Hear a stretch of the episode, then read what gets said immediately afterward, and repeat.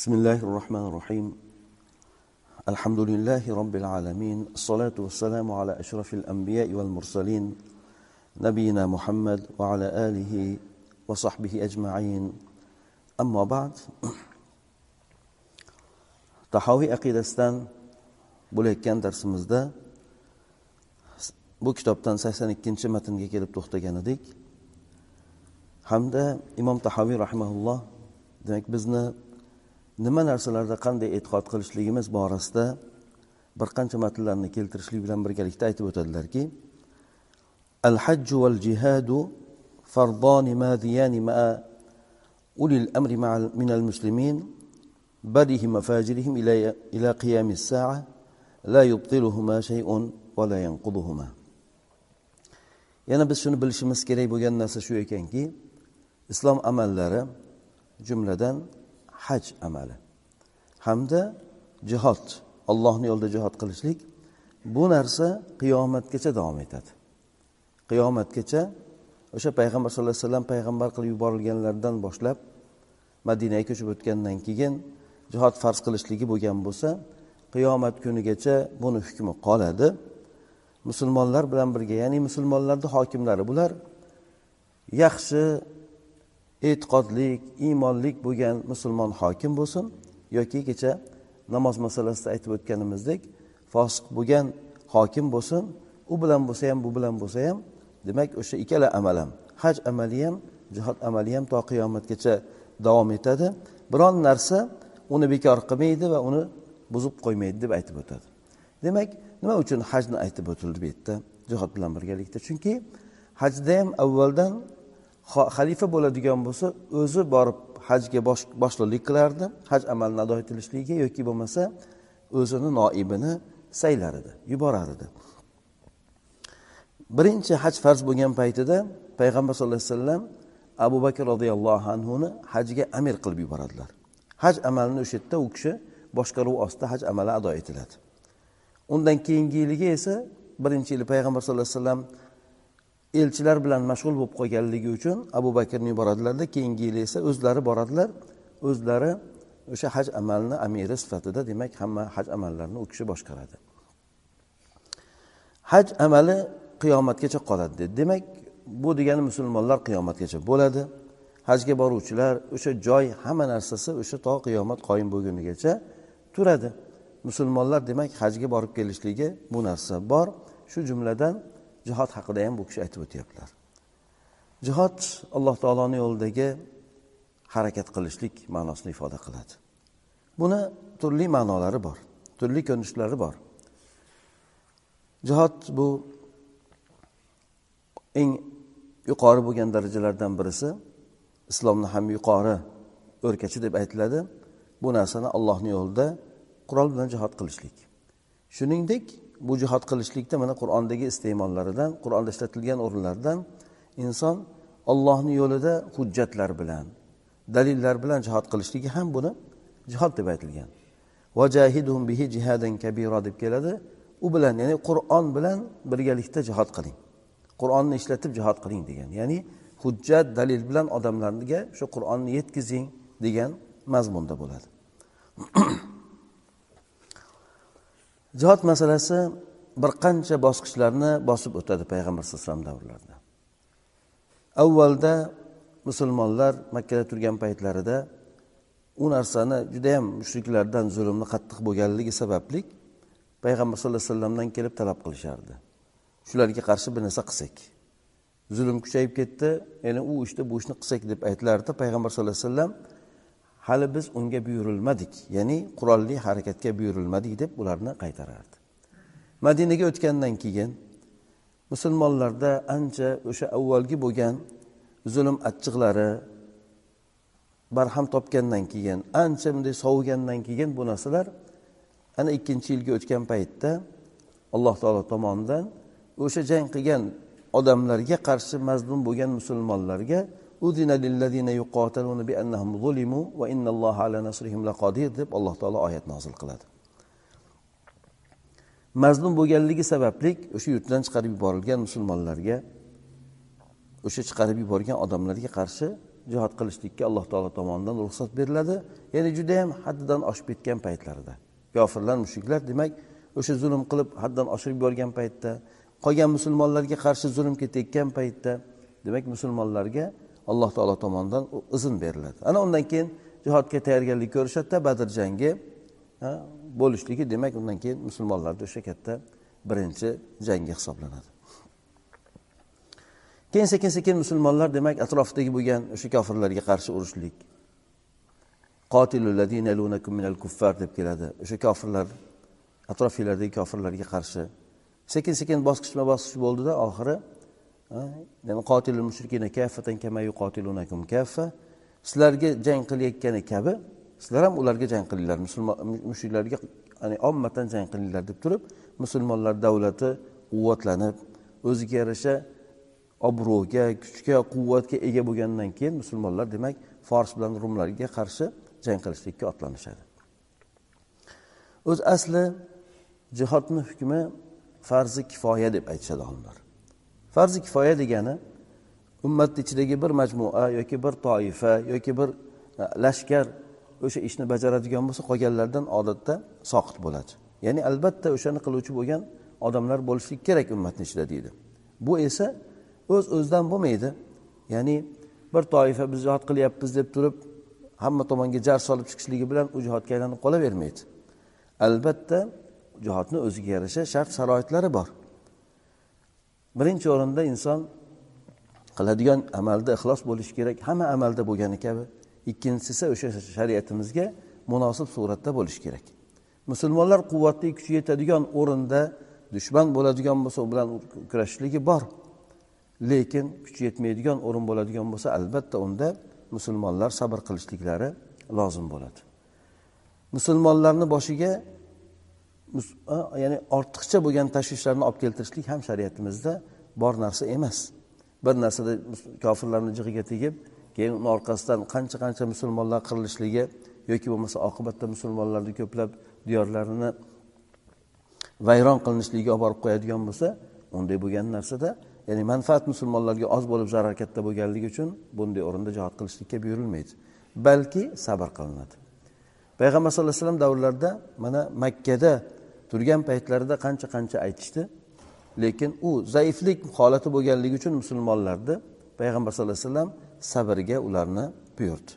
Demak musulmonlar zaif bo'lgan o'rinda sabr oyatlari bilan amal qiladigan bo'lsa demak kuchli quvvatli bo'lgan o'rinlarda esa o'sha dushmanga qarshi hujum bo'ladigan bo'lsa uni daf qilishlik yoki bo'lmasa musulmon dushmanlarga qarshi kofirlarga dinni yoyishlikda agar to'siqlar bo'ladigan bo'lsa unda jihodni qilishlikka ruxsat beriladi. Ba'zan eshitib qolamiz demak jihod farz ayn bo'lib qoldi degan narsa. Farz ayn degan hukm kimdan chiqishi mumkin? Hamma farz ayn deganda u hamma farz aynga aylanib qolavermaydi. Farz ayn bo'ladigan aytib o'tdik demak jihodni hukmi aslida farzi kifoya hisoblanadida ba'zan farz aynga aylanadi. Agar inson jang maydoniga keladigan bo'lsa u odam uchun farz aynga aylanadi. Haqiqatdan jihod maydoniga keladigan bo'lsa o'sha jihod shar'iy jihod bo'ladigan bo'lsa. Musulmon odam jang maydonini tashlab ketishligi harom bo'ladi. Sababi musulmonlarni zaiflashtirib qo'yishligi mumkin bo'lganligidan yoki bo'lmasa gunoh kabira deb aytilgan zahf deydi. Ya'ni jang maydonida orqaga qarab qochishlik. Agar o'shanga olib boruvchi sabab bo'lmasa ya'ni sabab qaysi? Musulmonlar ba'zi janglarda chekinishgan. Chekinishganligini sababi demak halok bo'lib ketishlikdan ko'ra chekinib yana boshqa o'zlarini o'nglab turib yana jang qilishlik maydon butunlay jang maydonini tashlab qochib ketishlik bu narsa mumkin emas. Ana o'shanda keyin jang maydoniga kelgan odam uchun farz aynga ilinadigan bo'lsa ana undan keyin yana bir joyni dushman hujum qilib bir joyga demak bir shaharga hujum qiladigan bo'lsa o'sha shahar ahliga erkaklariga xosatan demak balog'atga yetgan erkaklarga u yerda farzi ayn bo'ladi. Doimki o'sha dushmanni daf qilib yubormagunlaricha uchinchi farz bo'lishlik farz ayn bo'lish holati esa o'sha imom yoki xalifa hammani jangga otlantirishligi. O'shanga hojat sezilgan paytida hammani jangga otlantirishligi. Ana o'shanda farzi ayn bo'ladi. Undan tashqari yana ba'zi shaxslarga bo'lishi mumkin nisbatan farz ayn holati o'sha shaxsni o'ziga uni tajribasi uni judayam strategik ma'lumotlari boshqa narsalar borligi sababli odamni o'ziga ba'zan farz ayn bo'lishi mumkin. Bu to'rtinchi holat bo'ladi. Demak birinchi holatda musulmon jang maydoniga keladigan bo'lsa tashlab ketishligi mumkin emas. Ikkinchisida dushman bostirib kelgan paytda albatta musulmon odam o'zini yurtini himoya qilishligi kerak bo'ladi. Agar kuchi yetmaydigan bo'lsa unda sabr oyatlariga amal qiladi. Hech narsasi yo'q bo'lsa qarshi kurashishlikka unda to o'sha narsani yuzaga chiqarmagungacha sabr qilishlari kerak bo'ladi. Chunki inson demak bekordan bekorga hech qanaqangi narsasi yo'q. O'lib ketishdan ko'ra qolib turib o'sha dushmanni keyinchalik daf qilishlikka imkon topganda jang qilishligi bu narsa shar'an mumkin bo'lgan bor narsa. Uchinchi holatni aytib o'tdik xalifa yoki o'sha imom musulmonlarni jangga otlantirishligi. Deb alloh taolo qur'oni karimda aytadi ya'ni yengil va og'ir bo'lgan holatlarda hamma jihodga otlansin deydi bu endi hozirgi paytda biroz tasavvur qilishlik qiyin. Ommatan musulmonlarni hammasini jangga otlantirishlik bir milliard musulmon jangga chiqsin degani bo'ladi. Bu esa maydon yetmaydi. Bunga esa maydon yetmaydi. Bir joy sig'dirolmaydi. Chunki musulmonlar avvalgidan ko'ra juda yam ko'p. O'shandan demak o'sha shahar aholisiga aytish mumkin. Shahar atrofiga jihod farz ayn bo'ldi deb aytish mumkin lekin butun ummat hammasiga farz ayn bo'ldi kelmasa chunki nima degani? Farz ayn bo'ldi degani o'sha joyga albatta borishing kerak o'sha joyda hal bo'lmagungacha turishing kerak degani. U joy bir kichkina bir shahar bo'ladigan bo'lsa demak butun hamma joydan musulmonlarni kelishligi u joyga birinchidan sig'dirilmaydi. Ikkinchidan agar musulmonlarni o'shanga yarasha quroli bo'lmaydigan bo'lsa u yerda hammani bir joyga yig'ib turib ustidan bombalab tashlashlik bo'ladi. Shuning uchun bu narsalarda ya'ni ahli ilmlar olimlar o'sha voqeani tushunadigan olimlarni tasdiqlashligi bilan u narsa demak farz ayn bo'lishi mumkin. Lekin bir toifani o'zi chiqib olib turib farz ayn bo'ldi hammanglar shu kelishlar kerak deyishligini o'zi bilan bu yerda u narsa farz aynga aylanib qolmaydi. Ikkinchidan qaysi bir toifaga boradi? U toifaga boradimi bu toifaga boradimi? Ikkalasi bir bilan ham qarshi urushayotgan bo'lsa ba'zilar aytib o'tadiki salohiddin ayubiyni davrlarida yoki bo'lmasa muhammad zenkiy bo'lsin ularni davrlarida ummatni birlashtirishlik bo'lgan. Birlashtirib turib o'sha baytul maqdisga nimada baytul maqdisni egallab turgan salchilarga qarshi jang qilishlikka butun ummatni yig'adi. Bir necha yil ketadi. Bir necha yilda o'sha jamlab turib oxiri ummatni bir boshga keltiradida bir boshqaruv ostiga keltirib turib keyin keyin o'sha salchilarni ustiga jang qilib baytul maqdisdan chiqarib tashlaydi. O'shanda musulmonlar bilan musulmonlar urushishga to'g'ri kelib qoladi. Chunki boshqaruv ostida salohiddin ayyubiy ham o'zini boshqaruv ostiga kiritishlik uchun qabilalar itoatsizlik qiladi.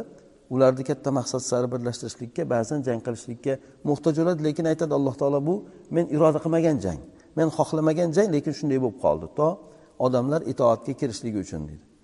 Lekin ulardagi bo'lgan narsa narigi tomonda esa kofirga chiqarib turib jang qilmagan. Musulmon deb turib bir katta maqsad sari intilamiz deb turib bir biri bilan to itoatga kirgunigacha jang qilgan narsa. Lekin ba'zilar aytadi salohiddin ayubiy ham boshqasi ham jang qilgan musulmonlarni o'rtasida. To'g'ri musulmonlarni o'rtasida jang bo'lgan undan boshqa o'rinlarda ham bo'lgan. Lekin musulmonlarni kofirga chiqarib turib o'ldirish uchun jang bo'lmagan balki ularni bir maqsadga jamlashlik uchun jang qilishgan. O'sha katta dushmanga qarshi ko'p askar kerak bo'lganligidan atrofdan musulmon jamoalarni yoki davlatlarni yig'ib turib bitta boshqa rostga keltirishlik uchun jang qilishgan. Jihod demak qiyomat kunigacha bo'ladi. Lekin hozirgi kunda musulmonlardagi imkoniyatlarni zaif bo'lganligi uchun musulmonlar biroz shoshilmay turish kerak. To imkoniyatlari keng bo'lgunigacha musulmonlarni qurol yarog' ishlab chiqarishi zavodi bo'lmasa ta'minot o'zlarida bo'lmasa bu narsa tashqi asosan tashqaridan bo'ladigan bo'lsa davlatlar bu ta'minlaydigan o'sha jamoalar deymizmi uni xolisligi ketib qoladi. Sababi chunki davlat o'zini manfaatini qo'yadi. Qaysi davlat ta'minlayotgan bo'lsa demak o'shalar o'zini manfaatini qo'yadi. Bu yerda demak insonlardagi ixtiyoriy alloh taolo uchun degan narsasi ketadi birinchidan ixlos ketadi. Demak o'sha davlatni maqsadlarini ham rioya qiladida demak xolislik bu o'rinda anchagina zaiflashib ketadi. Agar butunlay qolmay qolmasa. Ana o'sha jihatdan musulmonlardagi hozirgi imkoniyat dushmanni qo'lidagiga qarab hammani bir nima chaqirishlik bu narsa inson o'zini o'zini o'limga tutishlik bilan barobardir. Mana qanchalik nafaqat e, jangchilarni balki aholini ham qo'shib turib bombalashlik bo'ldi. Qancha qancha odamlar demak buni mas'uliyati kimda bo'ladi? Alam tara ilallazina qila lahum kuffu aydiyakum aqimus solah va atuz zakah. Ya'ni ba'zi odamlar bor o'sha payg'ambar sallallohu alayhi vasallamni davrlarida makkada turgan paytda jihodni talab qilishadi talab qilishadi musulmonlar zaif bo'lganligi uchun. Unda aytiladiki tiyilib turinglar chunki imkoniyatinglarda yo'q sizlarga. Namozinglarni o'qinglar zakotinglarni beringlar ya'ni sabr qilib turinglar dedi. Jihod farz bo'lib qolgan paytda ba'zi odamlar keyin ketib qoldi. Ana o'shandek demak musulmonlar zaif bo'lgan holatlarida sabr oyatlari qancha qancha sabr oyatlari bor o'sha sabr oyatlariga amal qilishlik bilan birgalikda o'zlarini kuchaytirish kerak o'zlarini ta'minlaydigan darajaga yoki bir boshqaruv darajasiga olib chiqish kerak. Bir boshqaruv bo'lmasa hamma toifa o'zicha o'zi jang qilaveradigan bo'lsa kerak bo'lsa bir biri bilan jang qiladigan bo'lsa birlik bo'lmagandan keyin dushman osongina yengib qo'yadi. Undan tashqari ancha muncha toifalar dushman qo'ygan o'yinga o'ynab ketib qoladi. Chunki ta'minot yo'q bu yerda aytaylik askarni boqish kerak askarni ta'minlab turish kerak. Boshliqlar nima qiladi? Birovlar bilan kelishishga majbur bo'lib qoladi. U kelishgan tomonlar esa ko'pincha uzoqdan dushmanni qo'li bo'ladi. Bular demak o'zini o'yiniga o'ynatishga harakat qiladi. Shuning uchun musulmonlar shoshilmaslik kerak. Jihod to'g'ri bu qiyomatgacha davom etadigan narsa lekin albatta birinchi navbatda shaxsni qudrati bo'lishi kerak bir amalni bajarishlikka. Undan keyin jamoani ham albatta o'sha narsani ado etishlikka imkoniyati qudrati bo'lishi kerak. Bu hukm qolishligi bor. Payg'ambar alayhisalomdan bir qancha hadislarda ham bu narsa bayon qilinadi. Qiyomatgacha qoladi. Lekin bu degani to'xtamasdan bo'lib turadi degani emas. Lekin hukm qiyomatgacha qoladi. Qaysi bir paytda ehtiyoj sezilsa qaysi bir paytda o'sha narsani qo'llashlik mumkin bo'lgan yoki lozim bo'lgan o'rinlar bo'lsa o'shanda qo'llaniladi. Ya'ni jihod hukmini aytmoqchiman. Bu degani ertayu kech tinmasdan qayerdadir qayerdadir jang bo'lib turadi deganini alloh alam anglatmaydi.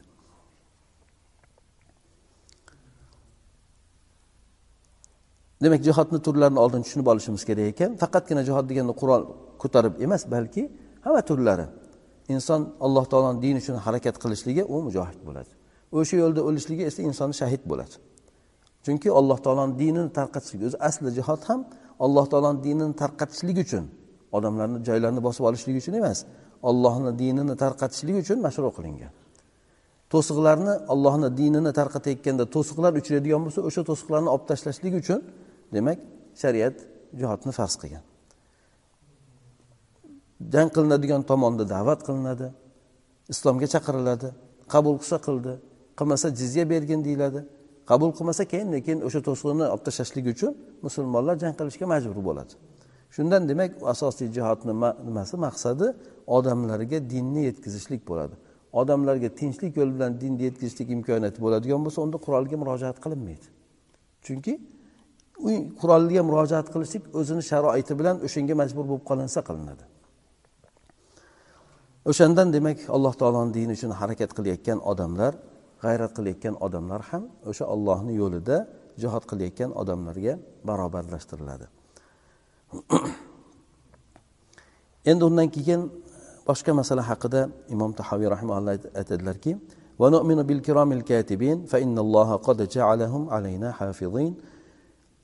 yelkamizda turgan farishtalarga iymon keltirishlik. Insonni amallarini yozib turgan farishtalar bor. Qur'oni karimda aytadiki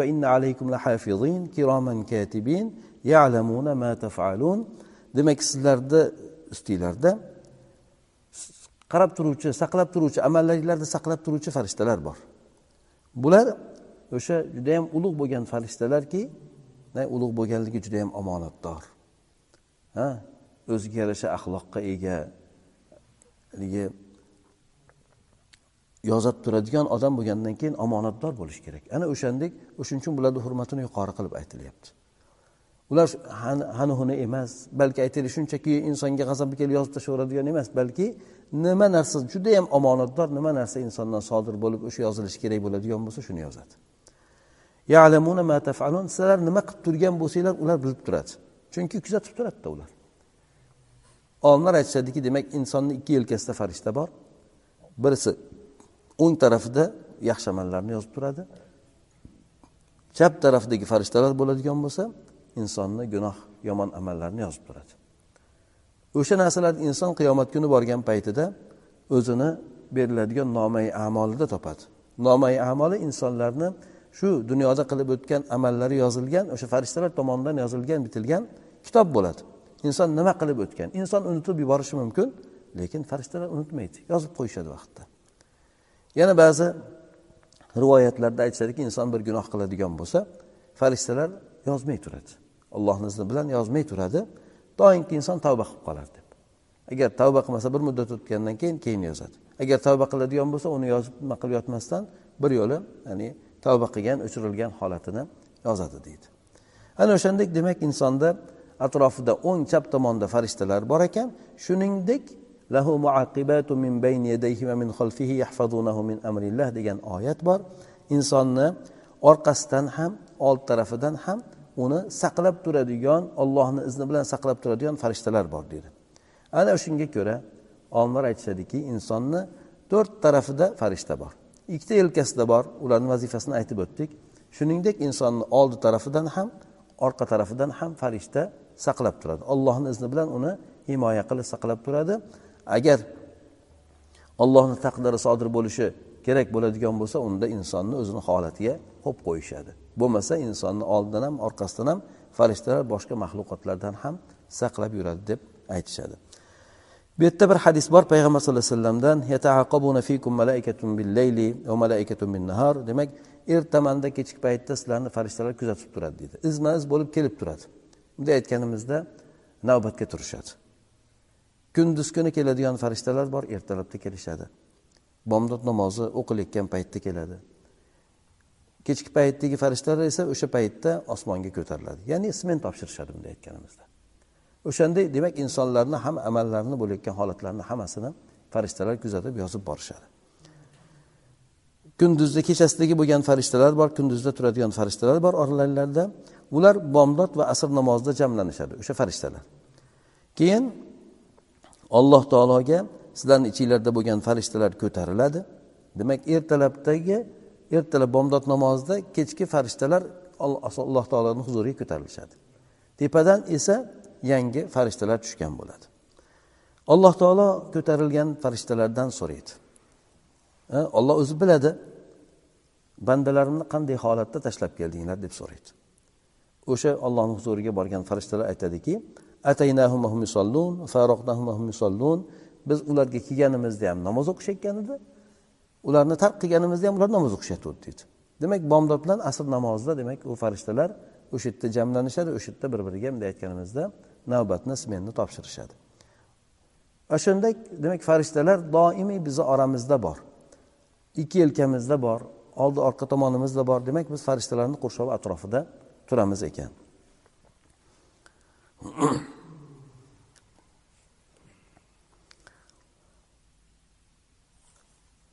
undan keyin yana farishtalarga iymon keltirishlik mazmunida bu kishi aytib o'tadilarki mavzusida. Butun o'sha maxluqotlarni ya'ni asosan insonlarni jonlarini olishga vakil qilingan o'lim farishtasiga ham iymon keltiramiz deb bu kishi aytyapti. O'lim farishtasi bu insonni jon taslim qilishlik paytida kelib mana hadislarda aytiladi bir masofada turadida. Undan keyin inson oxirgi lahzalari bo'lib qolgan paytida insonni tepasiga kelib mo'min bo'ladigan bo'lsa juda ham muloyimlik bilan chiroyli bo'lgan suratda kelib turib o'sha jonni jonni oladi olishga o'sha jonga buyruq qiladi. Jon esa alloh taoloni izni bilan musulmon mo'min bo'lgan odamniki juda ham qiynalmasdan chiqadi. Kofir bo'lgan odamni joni esa farishtalarni ko'rgandan keyin butun badanga tarqab ketadi deydi uni butun badanidan sug'urib oladi deydi. Demak jon olishlikda ham farishtalar mo'min bilan kofirni o'rtasini farqlab oladi. Yana alam ilallazina ya'ni boshqa aytma e, kitob nimada aytadiki ya'ni e, birinchi o'sha qul malakul bikum ila robbihi robbikum turjaun. Sizlarni joninglarni olishlik topshirilgan o'sha o'lim farishta sizlarni joninglarni oladi. Ayting ularga deb payg'ambar sallallohu alayhi vasallamga aytadiki alloh taolo demak o'lim farishtasi bizlarni jonimizni olar ekan. Insonlarni jonini olar ekan keyin har bir inson demak alloh taoloni huzuriga qaytariladi. Shuni demak alloh taolo xabarini berdi. Yana undan tashqari farishtalarni ba'zi o'rinda keladi.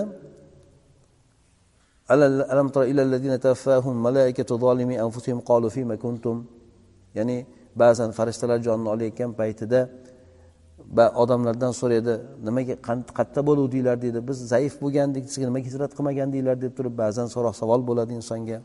Yoki ba'zi o'rinda deb keladi. Ya'ni yuzlariga orqalariga urib tepib yurib jonni oladigan holatini farishtalarni bayon qilinadi. Demak farishtalar jon olayotgan paytda insonlarda har xil holatda ularni amallariga qarab turib qiynashlik yoki bo'lmasa yengillik jihatdan farishtalar jonni olar ekan lekin bu yerda insonlar u narsani his etmaydi. Tashqarida turgan odamlar his etmaydida balki o'sha boshiga o'lim tushgan odamgina bu narsalarni his etadi xolos. Boshqa maxluqotlarni jonini kim oladi? Vallohu alam. Lekin bu yerda alloh taolo qur'oni karimda o'lim farishtasi bor u sizlarni joninglarni oladi dedi. Hayvonlarni qushlarni boshqa maxluqotlarni jonini oluvchi to'g'risida allohu alam aytilmagan deydi.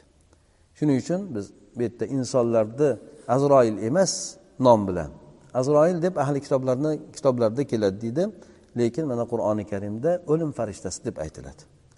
Demak uni farishtani nomi o'lim farishtasi insonlarni jonlarini alloh taoloni izni bilan hech qanaqangi kechiktirmasdan o'zini muddatida oladi.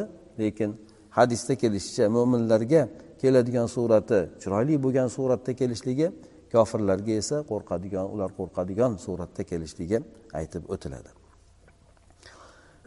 Farishta jonini olgandan keyin inson qabrga qo'yiladi. Qabrda esa mo'min bo'lgan odam uchun yoki insonlar uchun rohat ham bor shuningdek qabrda azob ham bor. Bu kishi shundan aytadilarki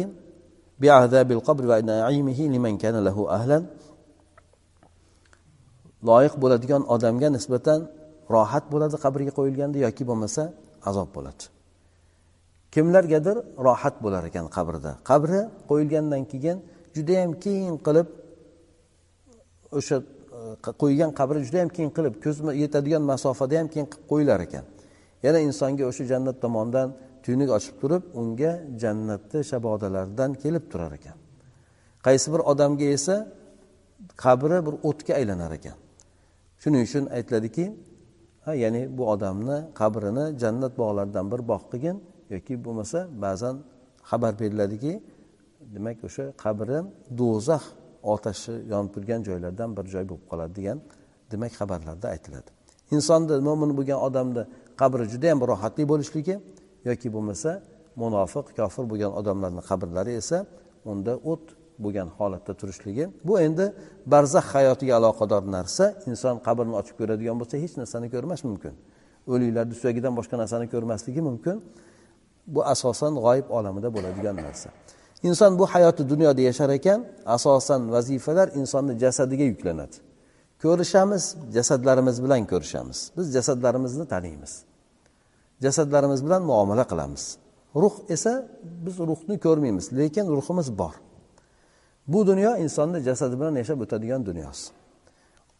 Barzax hayotiga o'tgan paytda demak inson dunyo hayoti bor barzax hayoti bor oxirat hayoti bor.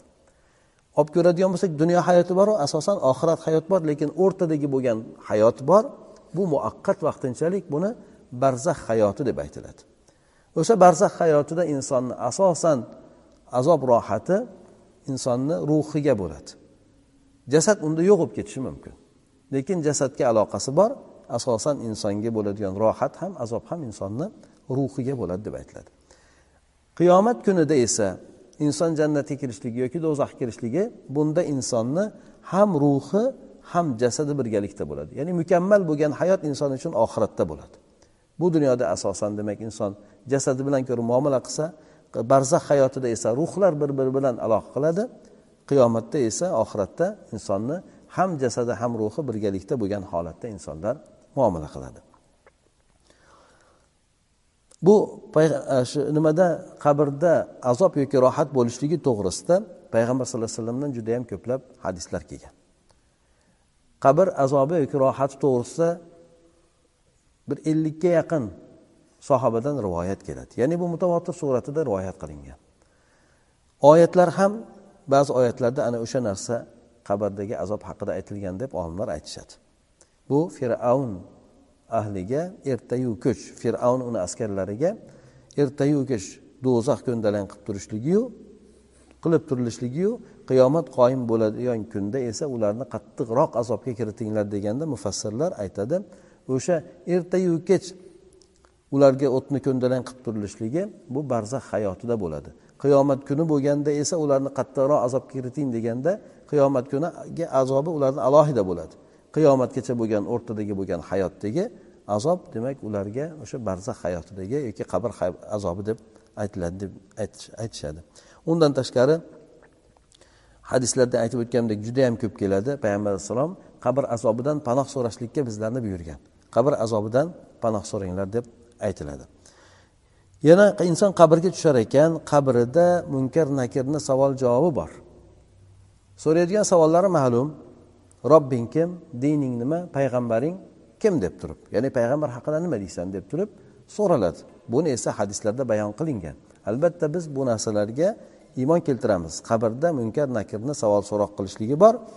Ana o'sha savollari ma'lum bo'lgan narsa lekin inson bunda qalbidagi bo'lgan narsa bilan javob qiladi. Faqatgina tili bilan o'zi bilan emas dunyoda uni tili juda yam biyron bo'lishi mumkin lekin qabrga tushgan paytida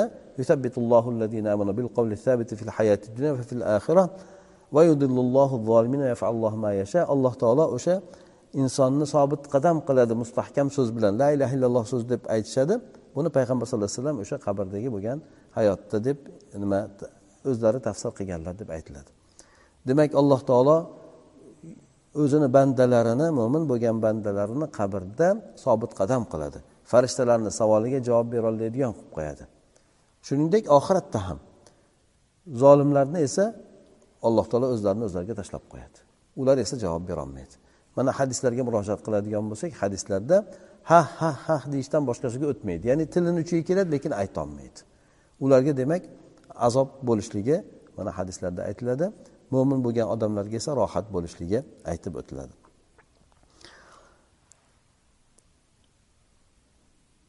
Qabr demak jannat bog'laridan bir bog' bo'ladi yoki do'zax chuqurliklaridan jarliklardan bir chuqurlik bo'ladi. Alloh taolodan demak inson doim so'rash kerak o'sha o'zi haqida ham parvardigori olam qabrda ham oxiratdagi bo'lgan azoblardan o'zingdan panoh so'rayman deb.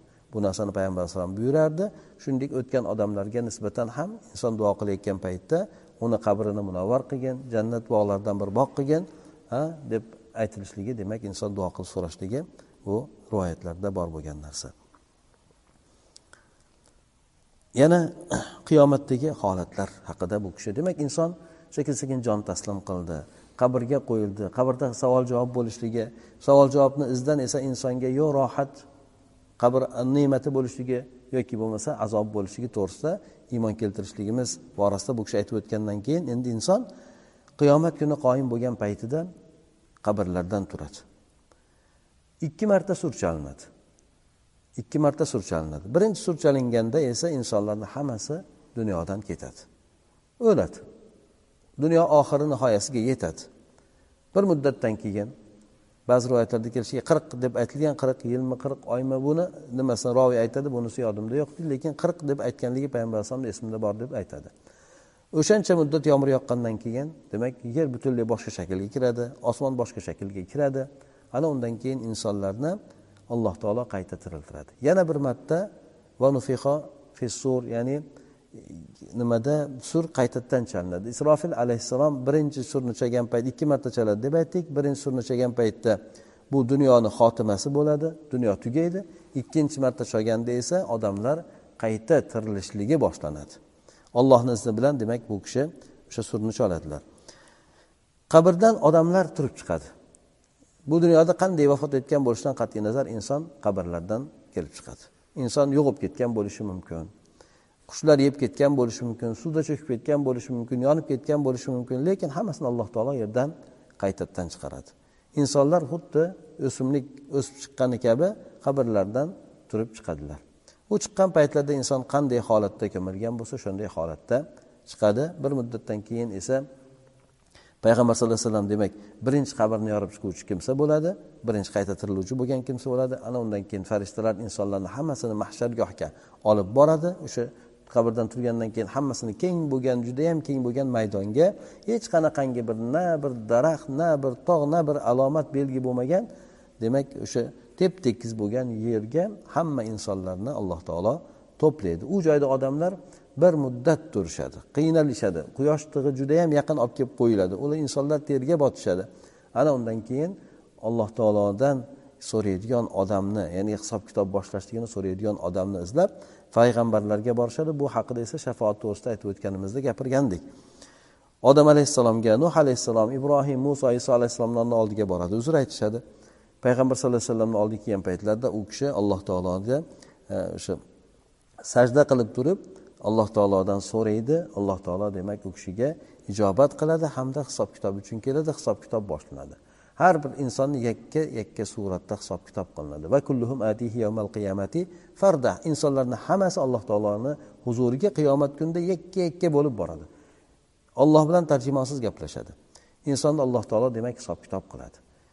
Kimlardadir hisob kitob bo'lishligi qattiqroq bo'ladi. Kimlargadir yengilroq bo'ladi. Yengilroq bo'lgan suratini arz deb aytiladi. Masalan e, payg'ambar sallallohu alayhi vasallam oysha onamizga aytgan paytlarida ya'ni kim hisob kitob qilinadigan bo'lsa odam azobga giriftor bo'lib qoladi deganda oysha onamiz payg'ambar alayhisalomga aytadilar alloh taolo aytadiki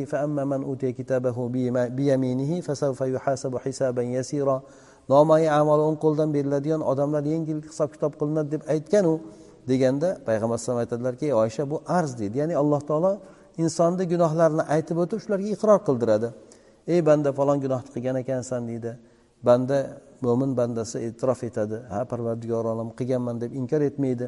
Alloh taolo o'sha narsalarni sanab sanab o'tadida keyin bularni dunyoda sen uchun satr qilgandim oxiratda esa kechirdim senga deb turib alloh taolo o'shanday deb aytadi. Ya'ni bu yengil hisob kitob bo'ladi. Insonni nima uchun degan narsalarni alloh taolo bu o'rinda qo'ymaydi. Ba'zi insonlarga nisbatan esa hisob kitob og'irroq bo'ladi. Insonni demak o'sha nima uchun qilganligi nima uchun topganligini qayerga sarflaganligi o'sha narsalarni tafsiloti tafsiloti bilan alloh taolo tomonidan so'raladi. Lekin alloh taolo sariyal hisob ya'ni judayam tez hisob kitob qiladi. Insonlar o'sha qiyomat kunida to qayta tirilishdan boshlab insonlar jannat do'zaxga kirib ketgungacha bo'lgan muddat ellik ming yil muddat deydi. Insonlar o'sha joyda mahshargohda turishadi. Ular yemaydi ichmaydi lekin alloh taolo ularga o'shanga toqat beradi.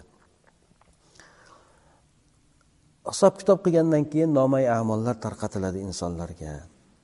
Ya'ni nomay amollarda insonlar o'sha e, nima amallar qilganligi hamma narsasi yozib qo'yilgan bo'ladi. Iqro alayka hasiba. Kitobingni o'qigin sen o'zingga o'zing hisob kitobni yetarlisan insonlar. Demak kitobda o'sha nima qilib o'tgan bo'lsa shu dunyo hayotida o'sha narsalarni hammasi bayon qilingan bo'ladi. Demak inson qaysi paytda gunoh qilgan qaysi paytda savob qilgan qaysi paytda tavba qilgan hamma narsa yozilgan bo'ladi. Ana undan keyin insonlarni amallari taroziga qo'yiladi. Taroziga qo'yilib turib tortiladi. Insonni o'zi ham amallari bilan birgalikda tortiladi. Mana hadislarda keladi. Demak insonlarni o'sha amallari ya'ni amallar bunday ko'rganimizda jasadga ega emas ma'naviy tomondan. Biz aytaylik bir qilgan amalimiz qancha vaznga ega biz bilmaymiz. Lekin alloh taolo ularni vaznini bilib hammasini insonlarni ikkita pallali bo'lgan taroziga qo'yiladi. Bir tomoniga yaxshilar bir tomoniga esa gunohlar bo'ladi. Qaysi bir insonlarni savob tomoni yuqori keladigan og'irroq keladigan bo'lsa bular jannatga hukm qilinadi. Yengil keladiganlarniki esa do'zaxga hukm qilinadi. Kofirlarni amallari esa yaxshi tomoniga qo'yiladigan narsasi bo'lmaganligi uchun ularni gunohlari hisob kitob qilinadi. Ularni o'lchab turib ularni ham do'zaxni qaysi joyga loyiq ekanligiga ko'ra hukm qilinadi. Ana o'shandan keyin hisob kitoblar bo'lgandan keyin bu yerda payg'ambar sallallohu alayhi vasallamni havuzlari bor. Havuzlariga demak odamlar boradi. Har bir payg'ambarni qavmi ummati o'zi payg'ambarni havuziga borib o'sha joydan suv ichishadi. Undan suv ichganlar qayta chanqamaydi suv ichib bo'lgandan keyin aytib o'tdik ba'zi odamlarni o'sha havuzdan olib ketiladi ba'zi insonlarni qaytariladi. Sababi shu dunyoda ancha muncha yaxshi bo'lmagan ishlarni qilganliklari uchun. Havuzdan keyin esa insonlarni haydab boriladi. Do'zaxga boradiganlar desa to'g'ri ko'prik tomonga haydab borilib do'zaxga qulatib yuboriladi.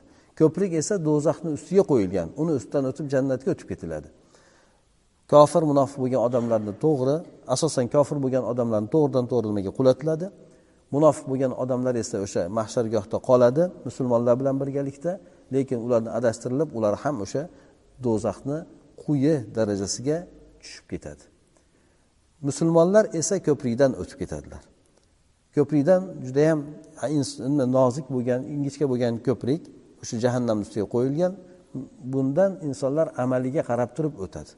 Qaysi bir insonlarda amali yaxshi bo'ladigan bo'lsa yashin tezligida o'tadi. Kimlardir shamol tezligida kimlardir yugurib o'tadi kimlardir yurib o'tadi kimlardir emaklab kimlardir qoqilib qoqilib o'tadi. O'sha qaysi bir insonlargadir o't tegib ozroq betini kuydiradi. Ba'zi insonlarni esa o'sha ko'prikni ikki tomoniga qo'yilgan changaklar olib turib pastga qulatadi. Bu musulmon gunohkor bo'lgan musulmonlar o'sha e, bir muddat azoblanishi kerak bo'lgan do'zaxga tushishi kerak bo'lgan ko'proq musulmonlar bo'ladi. Ular o'sha joyda bir muddat ya'ni nima jazolangandan keyin jannatga qaytib kiradilar. Ana o'shandan keyin insonlar jannat va do'zaxga qarab kirishadi. Jannat do'zax esa e, inshaalloh bu to'g'risida jannat haqida keng suratda ham aytib o'tdik. Jannat hozirdan yaralgan joy do'zax ham yaralgan joy ikkalasida ham ne'matlar hammasi hozirlab qo'yilgan. Demak jannatga kiradiganlar jannatga kirib darajalarni egallashadi do'zaxga tushadiganlar esa ularni ham pastga tushgandagi darajalar deymiz o'sha har xil bo'ladi. Hamma bir xil azobda bo'lmaydi qaysi birlar bor? Innal munafiqina minan nar deydi. Munofiq bo'lgan kimsalar bular do'zaxni eng quyi tubiga tushadi. U yerda azob juda yam qattiq bo'ladi. Sababi ularni qilgan amallari. Yengil bo'lgan azob mana jahannamda abadiy qoladiganlarga abu tolibga bo'ladi. Bu kishini oyog'i o'sha cho'g'da turadi deydi o'shandan miyasi qaynaydi deydi. Demak bu o'sha do'za ahlini eng yengili bo'lgan azob. Yana undan tashqari payg'ambar sallallohu alayhi vasallam shularida o'sha e, sayr qilgan paytlarida sayr qildirilgan paytlarida odamlarni xosatan musulmon bo'lgan odamlarni azoblanayotganligini ko'radi. Qaysi bir gunohlardandir zinokor bo'lganlar ribo bilan shug'ullangan boshqa harom bo'lgan kimsalarni o'sha azoblanayotgan ba'zi suratlarni ko'radi o'shani xabarini bergan. o'shandek inson demak musulmon bo'lsa ham ba'zi azoblarni tortadi alloh taolo u narsalardan hammamizni yiroq qilsin chunki do'zaxdagi bir muddat azobda turishlikni o'zi judayam og'ir bo'lgan narsa dunyo azobidaqa azob emas u insonni judayam qiynaydigan judayam qattiq bo'ladigan azoblarki alloh taolo hammamizni o'shanga kirishlikdan o'shanga tushib qolishdan o'zi saqlasin alloh taolo hammalarimizga jannatlarini nasib etsin سبحانك اللهم وبحمدك نشهد أن لا إله إلا أنت نستغفرك ونتوب إليك اللهم انفعنا بما علمتنا وعلمنا ما ينفعنا وزدنا علما.